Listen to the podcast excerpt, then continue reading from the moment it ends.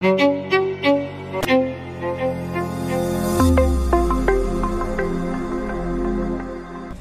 tentang kisah Dzulqarnain dulu sebelum kita masuk kepada kisah Ya'juj dan Ma'juj.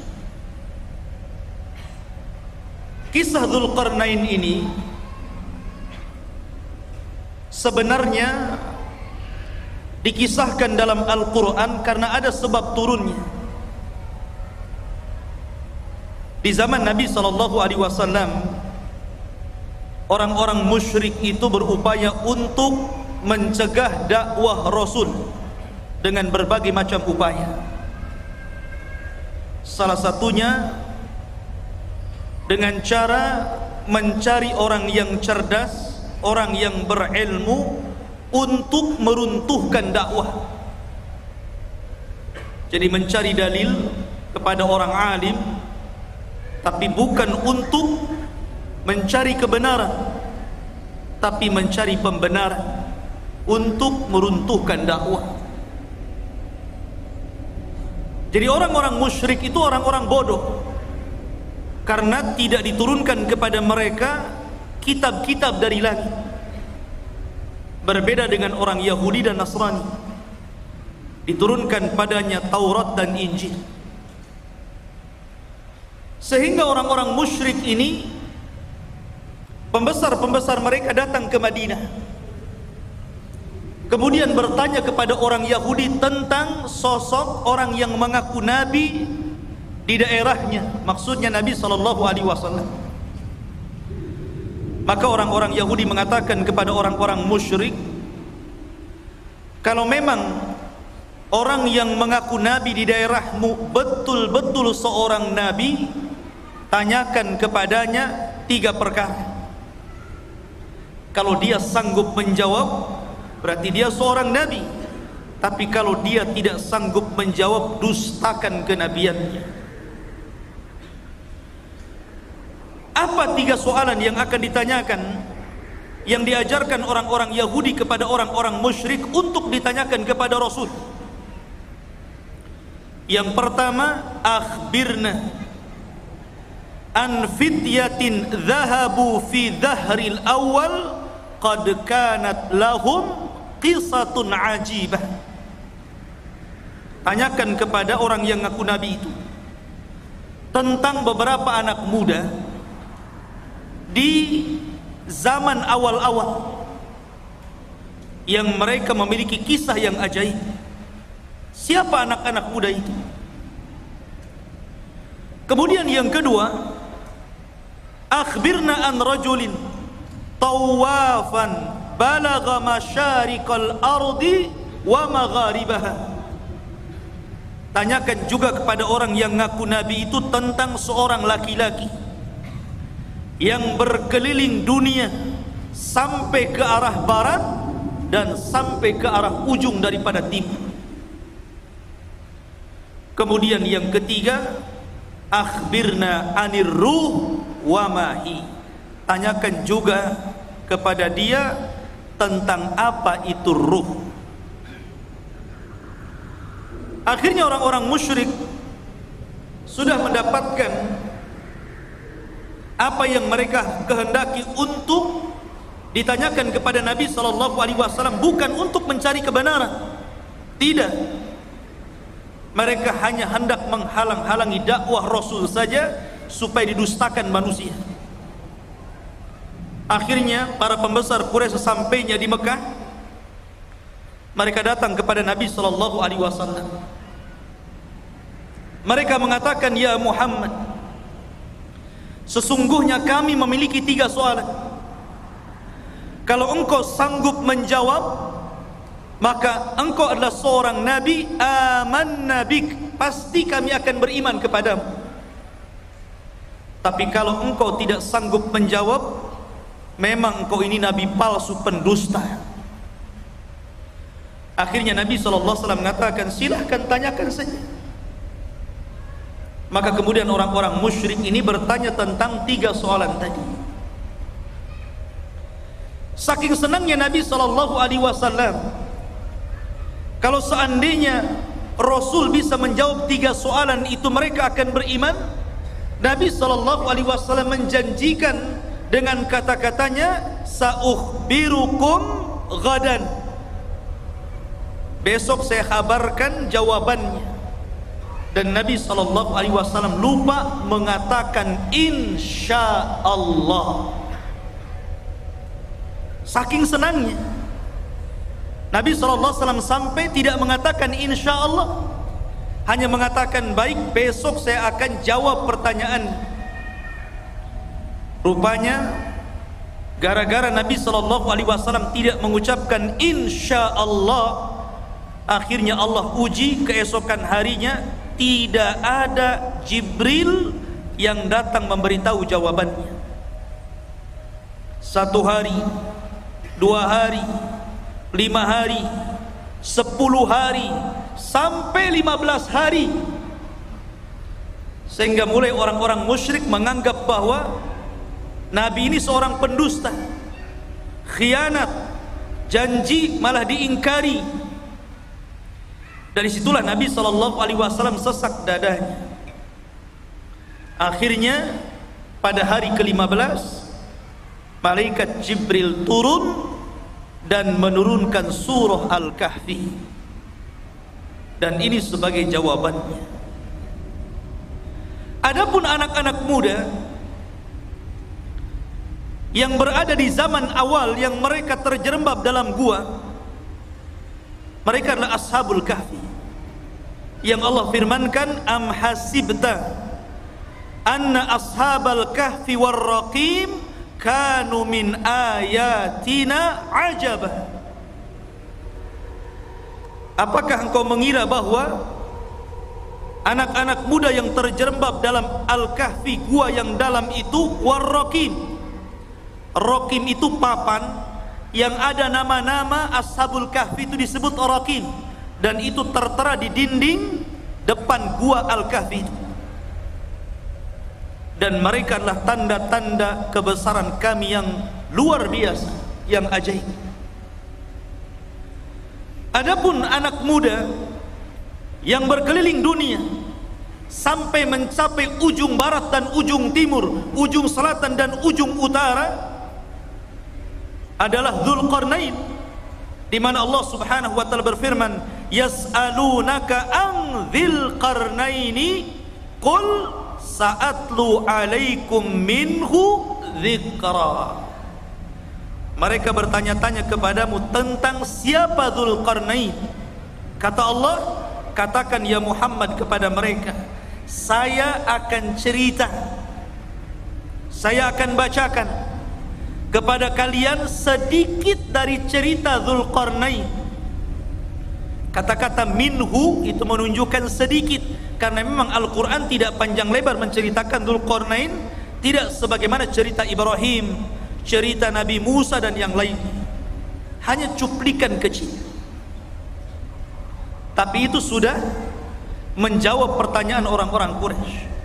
Adapun ruh maka Allah katakan yas'alunaka anir ruh qulir ruhu min amri rabbi. Mereka bertanya tentang ruh katakan ruh itu urusan Rabbmu. Karena ruh itu sampai hari ini walaupun teknologi sudah canggih nggak ada yang bisa mendeteksi ruh itu seperti apa. Sehingga ruh itu urusan Allah subhanahu wa ta'ala. Dari sini ikhwatu fidin muliakan Allah azza wa jal sebab cerita Dhul Qarnain itu dari sebab turunnya ayat ini dari pertanyaan orang-orang Quraisy. Dan subhanallah ikhwan gaya dakwah orang-orang Quraisy itu ditiru oleh sebagian orang-orang yang tidak suka dengan dakwah. Terkadang ada orang jahil dia ingin menghancurkan dakwah. Caranya apa? Bertanya kepada orang alim tetapi yang tidak sepakat dengan orang alim yang hendak dijatuhkannya. Dia hanya minta fatwa saja. Setelah dapat fatwa bukan diamalkan tapi untuk menjatuhkan lawannya. Makanya banyak orang-orang alim yang alimnya itu bukan untuk memperbaiki manusia, terkadang untuk memecah belah manusia. dan mereka adalah ulama su ulama-ulama yang jelek. Ma'asyiral muslimin yang dimuliakan Allah Azza wa Jalla. Cerita tentang Zulkarnain Zulkarnain ini menjadi khilaf para ulama apakah dia seorang raja? Apakah dia malaikat? Apakah dia seorang wali? Karena memang kisah Zulkarnain ini kisah yang unik sekali. Bahkan al-imam Qatada rahimahullahu taala mengatakan bahwa di dunia ini tidak ada penguasa yang mampu menguasai sebagian besar dunia kecuali hanya empat orang saja. Yang dua mukmin dan dua kafir. Pertama yang mukmin adalah Raja Sulaiman. Sulaiman menguasai sebagian besar dunia. Kemudian yang kedua Zulkarnain Adapun yang kafir yang pertama adalah Namrud dan yang kedua Bukhtun Nasr. Ada yang mengatakan Al-Iskandar Al-Maqduni. Tapi yang masyhur adalah Bukhtun Nasr. Dan keduanya kafir, baik Namrud ataupun Bukhtun Nasr yang menghancurkan Palestina itu. Lah salah satunya adalah Dzulqarnain. Dia penguasa yang berhasil menguasai barat dan timur, selatan dan utara. Sehingga kemudian menjadi khilaf apakah dia seorang nabi, apakah dia seorang wali ataukah dia malaikat. Ada yang mengatakan dia adalah malaikat, tetapi pendapat ini tentu sangat jauh sekali.